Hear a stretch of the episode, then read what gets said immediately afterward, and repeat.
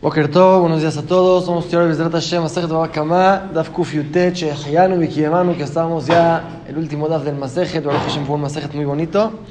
Y Bezrat Hashem hoy lo vamos a terminar. En el Daf de hoy tenemos tres temas. El primer tema es qué grave es ser ladrón o ser moser, como ya vimos la salajot de moser. El segundo tema es si se permite comprar de gente sospechosa que puede ser que robaron lo que tienen en su mano. Y el tercer tema es un empleado, un trabajador, que quedan sobras del trabajo, un carpintero que le, le, le sobran maderitas, ¿se las puede quedar él o debe de regresárselas al dueño? Empezamos el DAF con el primer tema, dos renglones de arriba para abajo en los dos puntos. Dijimos en la Mishnah Velom Shomre Perot, no se puede comprar de un cuidador de frutas, frutas o maderas, porque seguramente son del dueño y él se las quedó, se las robó. Trae la Gemara que Rav Zavin Shavishta Mearisa. Rav compró ramas de un Aris, un empleado de un campo, amarle a Valle, le preguntó a Valle, pero la Mishnah dice que no se puede comprarle a un cuidador de frutas, maderas o frutas porque seguro son robadas. Amar le dijo a Atan Beshomer, ahí estamos hablando de un cuidador, de Letle Begufa de Aramidi, que no tiene ningún derecho de llevarse algo del terreno, por eso seguro todo lo que tiene es robado, no se puede comprarle a Valaris de Itle Begadé, pero un Aris es un empleado del campo que él se lleva parte de lo que sale del campo. Ahí Emma podemos decir que está vendiendo algo que le pertenece a él, ya que no es seguro que es robado, se puede comprarle. Estamos Rabban mencionó Jajamim Shomre Perot, cuidadores de frutas. Se puede comprar de ellos solamente cuando están sentados en el mercado vendiendo. Vea Salim Lifneem y tienen delante de ellos las canastas con las frutas. Veturtani Lifneem y tienen la balanza con las pesas, ya que lo hacen de una forma pública demostrando que están vendiendo. Si, fuera robado, no lo harían así, lo, lo, venderían a escondidas. Eso demuestra que no está robado. También en estos casos, si te dijeron, esconde lo que te estamos vendiendo, Azur, está prohibido, están demostrando que es robado. Lo que mi peta lo mejor uno que se puede comprarles solamente cuando es de la entrada al jardín, de la entrada al campo, pero si es por atrás, parece que están escondiéndose, ahí no se puede. Itmar, estudiamos Gazlan, un ladrón. Memat Mutal ¿desde cuándo se puede comprarle lo que está vendiendo? Sabemos que es un ladrón, está vendiendo cosas, ¿Desde cuándo se puede comprarle? Rab Amarachete Rob según Rab, hasta que estemos seguros que la mayoría de su mercancía le pertenece a él, aunque hay que sospechar que tiene minoría ahí robada, se puede comprar porque la mayoría es de él. Ushmuel Amarafilu Miuchelo, y según Shmuel, aunque haya minoría que seguro es de él, y la mayoría puede ser que es robado, ya que hay minoría que es de él, podemos estar tranquilos que tal vez lo que estoy comprando es de él, no es seguro robado, se puede. Y así ahora la Raviuda le Adá y así también Raviuda le dictaminó a Adá era el sirviente de los hajamim, Adá, Dayala, Adá, el sirviente, que Dibra Omer Afilimuchelo, como la opinión de que aunque sea poquito nada más que estamos seguros que es de él, también se puede comprarle.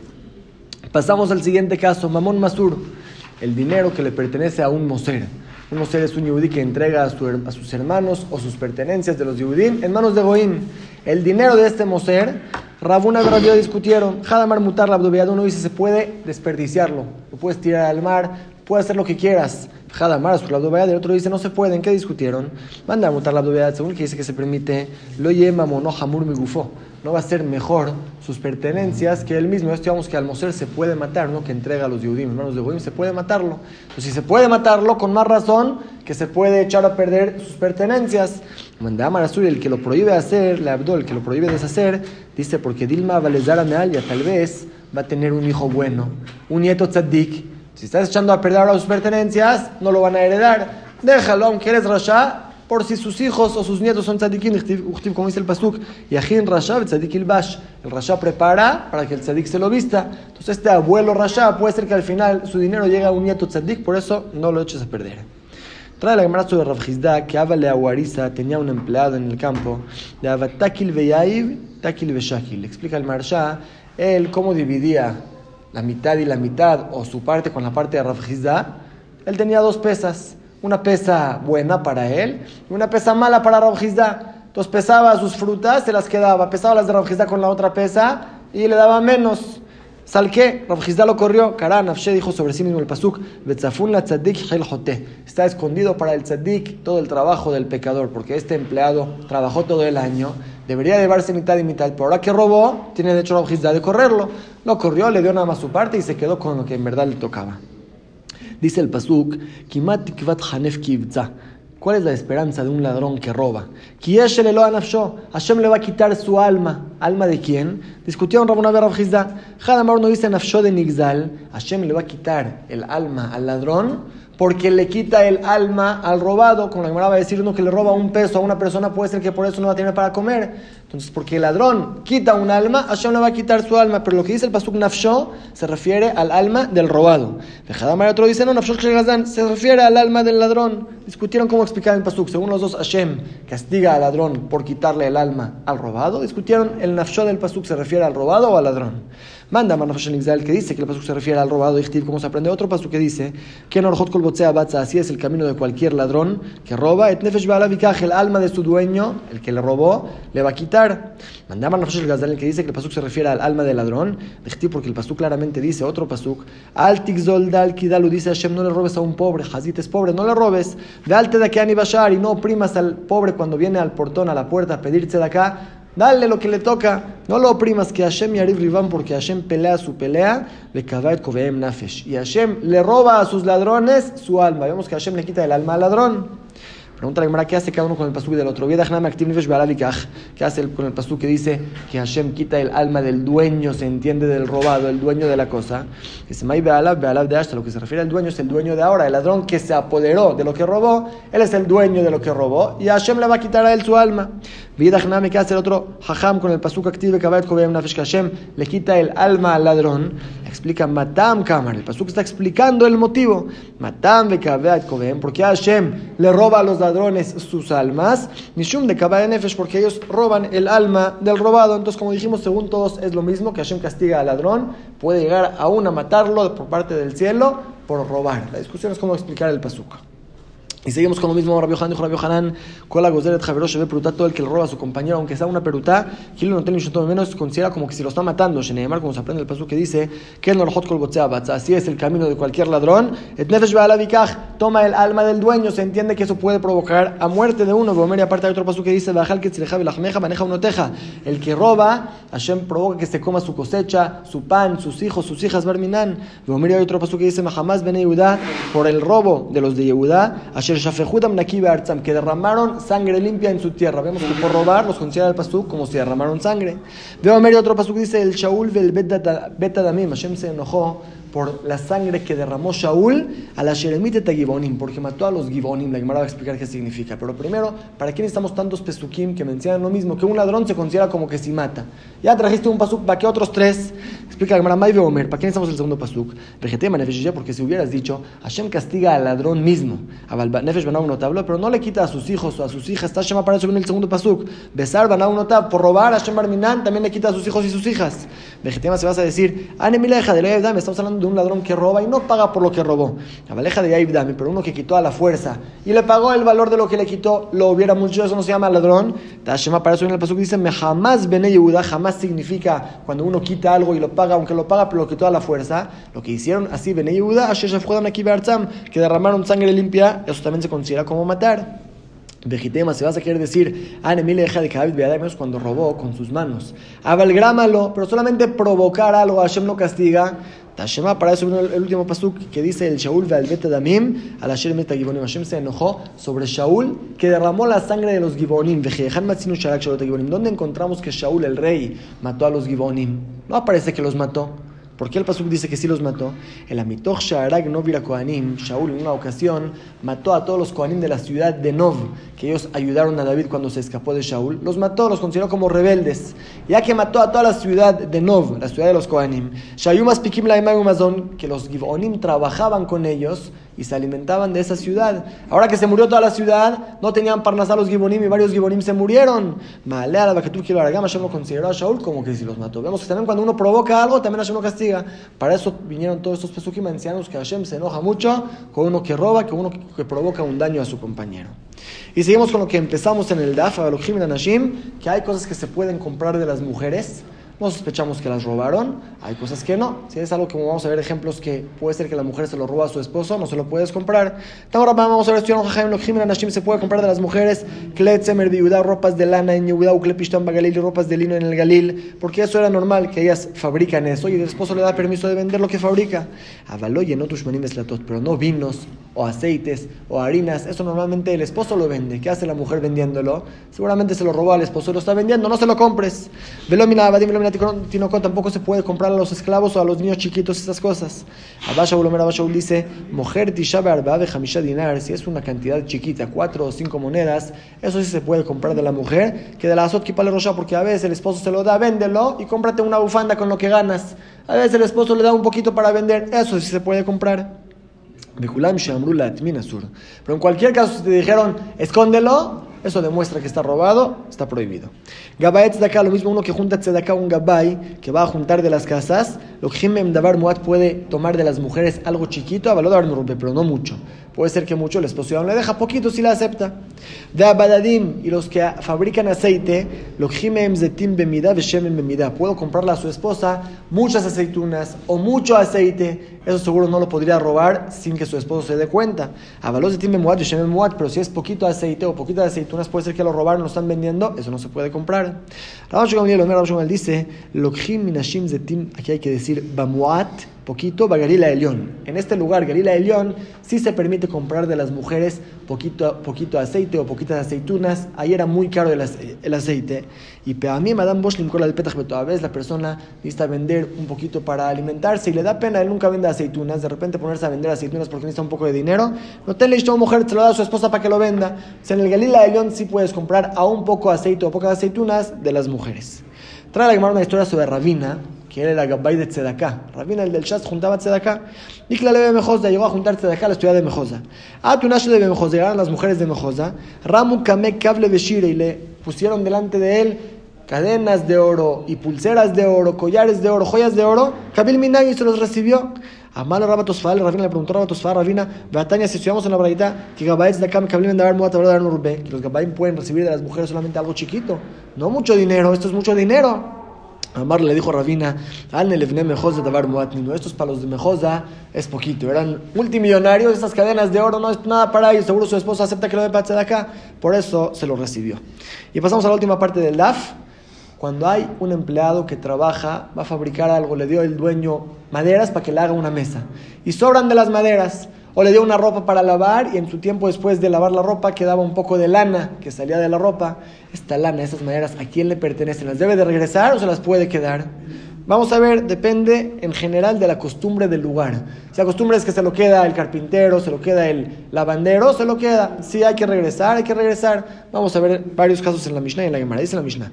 Mohin Shakoves Motzi pedazos de lana que cuando uno lava la ropa quedan ahí pedazos de lana. Ahora el se los puede quedar el lavandero. Vea, Motzi, pero cuando uno peina la ropa, en su tiempo la peinaban, la lana que le queda al peinador, Ahora el va a la bait, le pertenecen al dueño, hay que regresárselo porque ahí sale más. Koves, notel gimel jutim bem shelo. En su tiempo se acostumbraba, cuando fabricaban una ropa, al final de la ropa dejaban tres hilos de otro color. Digamos que la ropa era de color naranja, dejaban tres hilos de color verde para como demostrar que es una ropa nueva. cuando van a lavar la ropa, el lavandero quita esas, esos tres hilos, ya, ya, no, ya no van con la ropa, y se los puede quedar. Ya terminé, pero si hay más de tres hilos, ahora debe de regresárselo al dueño.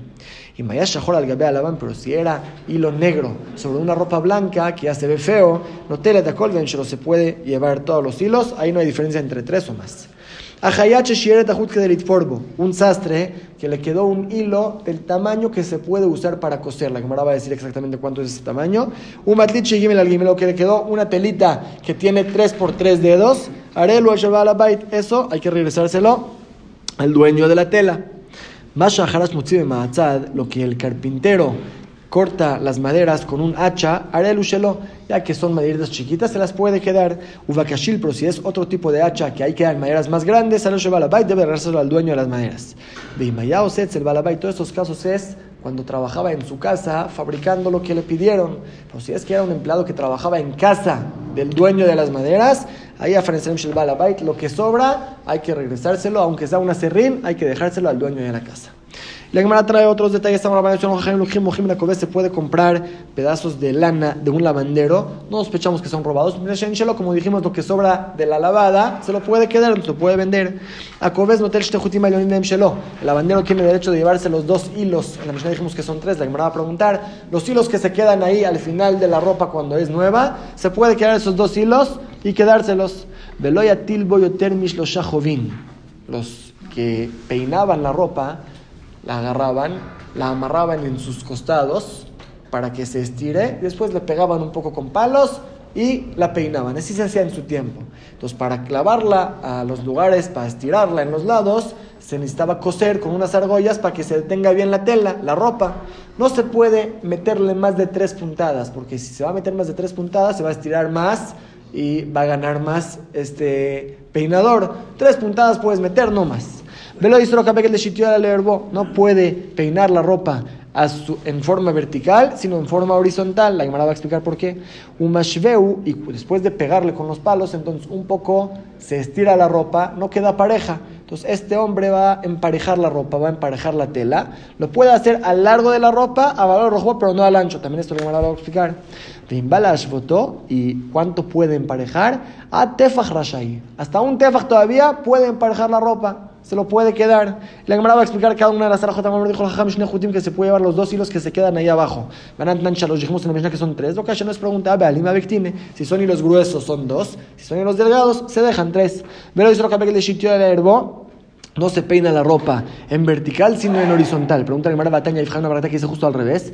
Esta hermana loca no es pregunta, depende si es una ropa del diario o de una vez cada cuánto. Quiere decir, cuando se peina la ropa de forma vertical, queda más bonito el peinado, pero por otro lado, se, afloja más, se ablanda más la tela, se puede romper más rápido. Entonces, si es una tela del diario, no lo hagas porque se va a romper más rápido. Si es una tela de Shabbat, así cada vez de cuando se lo pone, ahí sí, peínalo en vertical, aunque se afloja un poco, pero se ve más bonito.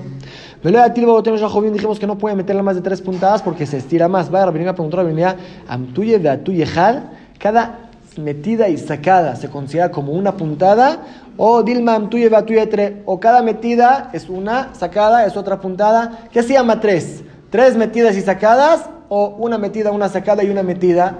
Tiku dice la cámara, se queda en duda. Un dijimos que se puede emparejar la tela después de pegarla y que se estire, se empareja a lo largo, pero no a lo ancho. Batanya y una que dice al revés. Según la ocasión nos pregunta, ah, Biglima, Abemiune, depende si es una tela para una ropa o es un cinturón largo. Si es una tela para una ropa, ahí sí emparejalo a su largo. Pero si es una tela para un cinturón, a lo largo no puedes emparejarlo, va a quedar muy cortito. Se empareja en su ancho para dejarlo bien. Ahora siguen estudiando Jajaime, Elohim, Nazoret, Mohim, Nesheno, Shelo, no se puede comprar de un peinador pedazos de lana porque no se los puede quedar. El lavandero sí. El peinador debe de regresárselo al dueño. Si un lavandero te vende pedazos de lana, puede ser que son robados. Un makom lo ejemplo. Si es un lugar que se acostumbra a dejárselo, ahí sí puedes comprar de él. Un makom en cualquier lugar, lo se puede comprar del peinador. Karma le mojín, un colchón lleno de pedazos de lana. La mojín, una almohada lleno de pedazos de lana. Maitama, ¿cuál es el motivo? Porque aunque están robados, ya los adquirió transformándolos de lana a almohada, a colchón, ya los adquirió, él fue el ladrón, yo se lo puedo comprar. Estamos Rabbanán, estudiamos Jajamim en Lokhim Migardi. Ahora vamos a hablar del que teje la tela. Hablamos del lavandero, hablamos del peinador. El que teje la tela, ¿qué se puede quedar y qué no? No se puede comprar de él lo irin, velo nirin, velo punkalin, velo shiure pekiot esas son diferentes partes de la maquinaria que se usaba en su tiempo para tejer tela. No vamos a entrar en detalles, pero para que pueda tejer, el dueño le dejaba unos pedazos de tela para que los use para esa maquinaria, para poder tejer.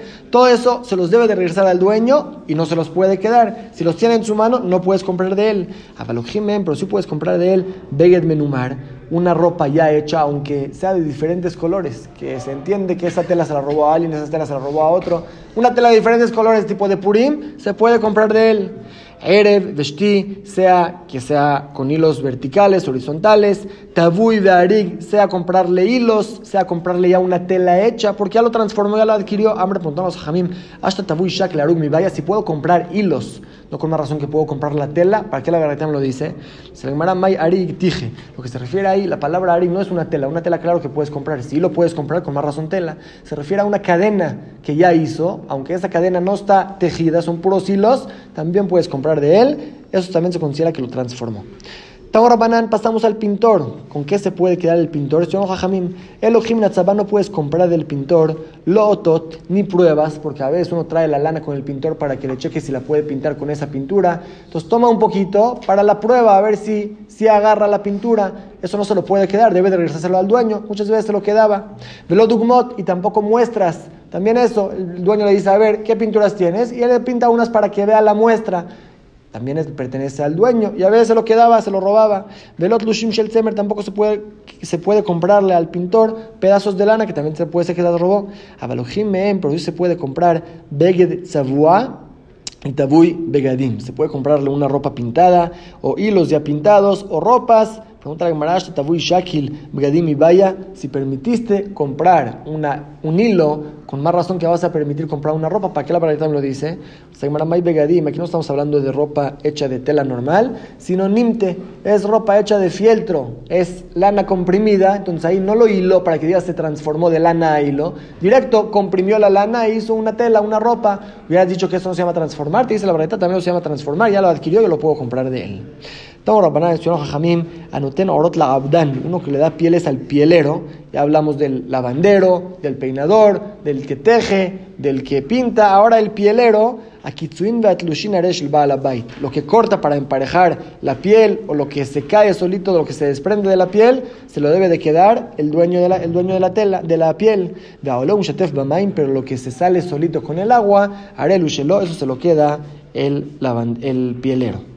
Dijimos en la Mishnah Maya Shahor Bejule que este lavandero acorta la tela, se lleva estos hilos, se lleva lo otro. Ama viuda, dijo la viuda, Katzrasheme se llama Katzra, el lavandero en arameo se dice Katzra como acortante, de Katzra Shakile porque acorta las telas, en verdad, tiene derecho de hacerlo, pero por eso le pusieron ese nombre.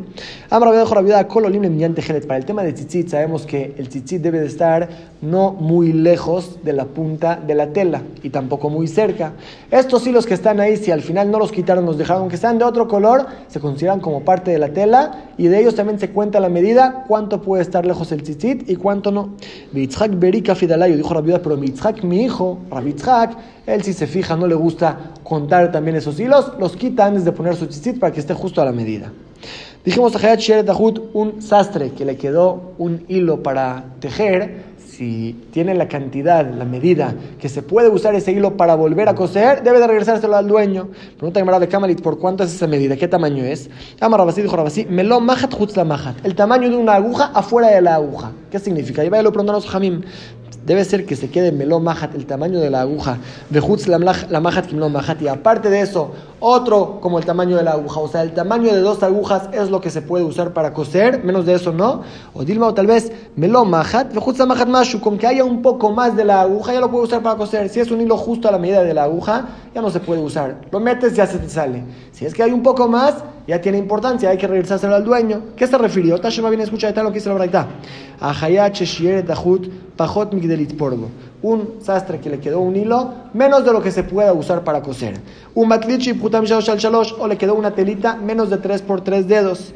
Bismanche balabait makpidalem, si es que el dueño quiere que se lo regrese, se fija que se lo regresen, Arush balabait debe regresárselo al dueño. En balabait makpidalem, si no le importa al dueño que se los quede, Arush se los puede quedar. Analiza la llamada.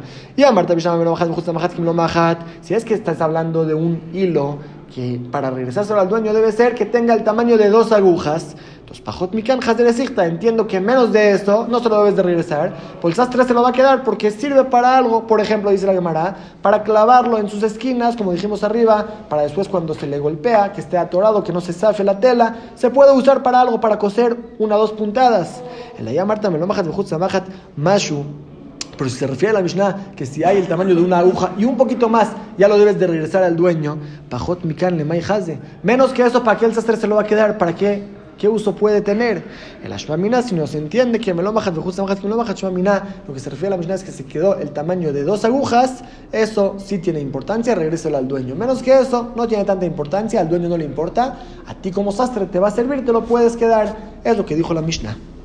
Y dijimos, lo que el carpintero saca, depende si es un hacha grande, un hacha pequeño, depende si es acerrín, que se lo puede quedar, son pedazos más grandes, hay que regresárselo al dueño. Urmine, pregunta la una contradicción. Dijimos que con el ma'atzad Maatzad es un tipo de hacha pequeño, con el Maatzad se lo puede quedar el carpintero. Hay una contradicción, dice la Braita Mashaharash de Maatzad, lo que el sastre quita con ese tipo de hacha. Danifsakba Megerá, o lo que corta con el serrucho, Arelush el hay que regresárselo al dueño. Ayotzem Mitajat Magdeach, lo que sale del taladro, Umitajat Raitni, o lo que le sale es un tipo de cuchillo grande que se usaba para alisar las maderas. Vanigrar meguerá o el acerrín que sale del serrucho, ahora el se lo puede quedar. Pues entiende que Maatzal hay que regresárselo al dueño. La Mishnah dijo que Maatzal se lo puede quedar él. Amarraba contestó Raba, no es pregunta. Beatra de Tana y de Dan y Qatar de Hatzine. En el lugar del Taná de la Mishnah habían dos diferentes cuchillos. Uno grande, la rapatica era el Kashil. El grande se llamaba Kashil y eso dijo el Taná, va para el dueño. Ulzutar tikare la Maatzad y el chiquito se llama Maatzad y eso sí va para el carpintero porque son pedazos chiquitos de madera.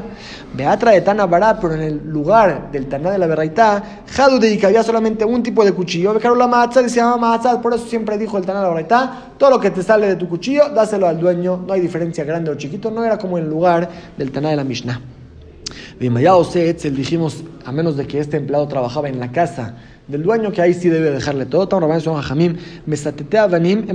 De los que hacen piedras cuadradas, los que la alisan, los pedazos de piedras se lo pueden quedar a ellos, el dueño se los deja. los que cortan ramas de los árboles, los contratan para que corten las ramas malas. los, o, los que cortan las ramas de la vid, o los que sacan las espinas de los campos, los que sacan diferentes hierbas malas entre las verduras, o los que mueven un poco de las hierbas al lado de las verduras. Cuando el dueño del campo quiere quedarse con lo que cortan, con lo que sacan, no se lo pueden quedar, se llama que están robando. Pero si el dueño no le importa las ramas malas que cortaste, quédatelas, lo que las hierbas que arrancaste, llévatelas, ahí se las puede quedar. Amar otra alja que dijo la viuda que Shut es un tipo de hierba que crecía sola, o Haziz es un tipo de cosecha que no la persona no plantó, creció solito. En Baimishum Gezel no hay problema de Gezel, a nadie le importa que se las lleve la gente, se lo, lo puedes llevar. Beatra de Kafte, pero un lugar que sí les molesta, que tienen ganado, que pastorean eso, es Baimishum Gezel, ahí sí hay problema de Gezel, no te lo puedes llevar. Amarrabina dijo Rabino Matamejasia, este lugar que se llama Matamejasia, Atra de Kafte es un lugar que sí les molesta, no se puede llevar sin el permiso del dueño del campo. Con esto terminamos Masaj de Bakamá. Adán Allah Batra, explica la de Bakamá. Vamos a repasar lo que estudiamos en el DAF de hoy. Estudiamos tres temas, dijimos primer tema, que no se puede comprar de gente sospechosa que puede ser que robaron, los pastores, los cuidadores de campos, etcétera, no se puede comprar de ellos para no llegar a comprar algo robado, a menos de que puede ser que sea de ellos o cosas chiquitas que puede ser que su esposo le deja, eso sí se permite. Estudiamos qué grave es ser muser, que se puede matarlo, se puede quitarle todo el dinero. Hay quien dice que no, por sus hijos, por sus nietos, pero es muy grave. Y también ser ladrón, Hashem Barminan castiga con muerte. Y al final estudiamos qué cosas se puede quedar el empleado y qué no, depende de la costumbre del lugar. Ya que también terminamos el Pérez, vamos a repasar rápidamente lo que estudiamos en el Pérez. Estudiamos en el Pérez la Salahot de un ladrón que se murió, cuando los hijos deben de regresar y cuando no. Si el papá les dejó una herencia de terrenos, deben de regresar lo que robó. Si es que no, no. O también si está la vaca aquí, todos la conocen que es de fulano y hablan mal del papá que se murió, hay que regresar. Si no, no. Estudiamos cómo se cómo se funcionaba el bedín, cómo llamaban al bedín, cuándo llamaban, cuánto tiempo esperaban para cobrar. Estudiamos a la Jot del Goy, que no se le puede robar, una pérdida de él se puede quedar, quitarle una deuda, no pagarle una deuda está permitido. Vimos cuándo sí, cuándo no. Estudiamos Yehush, que adquiere, cuando un dueño desiste de su objeto, ya puedes adquirirlo. Estudiamos el concepto de Takanat Ashuk, el decreto que Jaime hicieron para el bien de los clientes, que si compraste algo robado y no sabías que es robado, entonces no te lo van a quitar. El dueño de la cosa viene contigo, te paga y le regresas el objeto, pero no te lo quitas sin pagarte. Vimos cuál es el DIN cobrar un favor que hiciste. Te hice un favor y por eso perdí. ¿Lo puedo cobrar? Dijimos que depende si quedaste antes o no. Si no quedaste, no puedes cobrar. Si quedaste, sí. Y si estás aprovechando que el otro está en un momento de aprieto, te paso el río cuando se escapó de la cárcel. Te paso el río, pero me pagas muchísimo. El otro te dice sí. Eso te dice te vacile. No puedes aprovecharte del otro. Vimos la alhaja del Moser y cómo hay que regresar algo robado cuándo hay que regresar, cuándo lo puedes comprar, a quién puedes, de quién puedes comprar, como estudiamos en el LAF de hoy, los ejemplos, es lo que estudiamos en el PEREC, en el LAF de hoy, Mitzvot y Hazaku Baruch.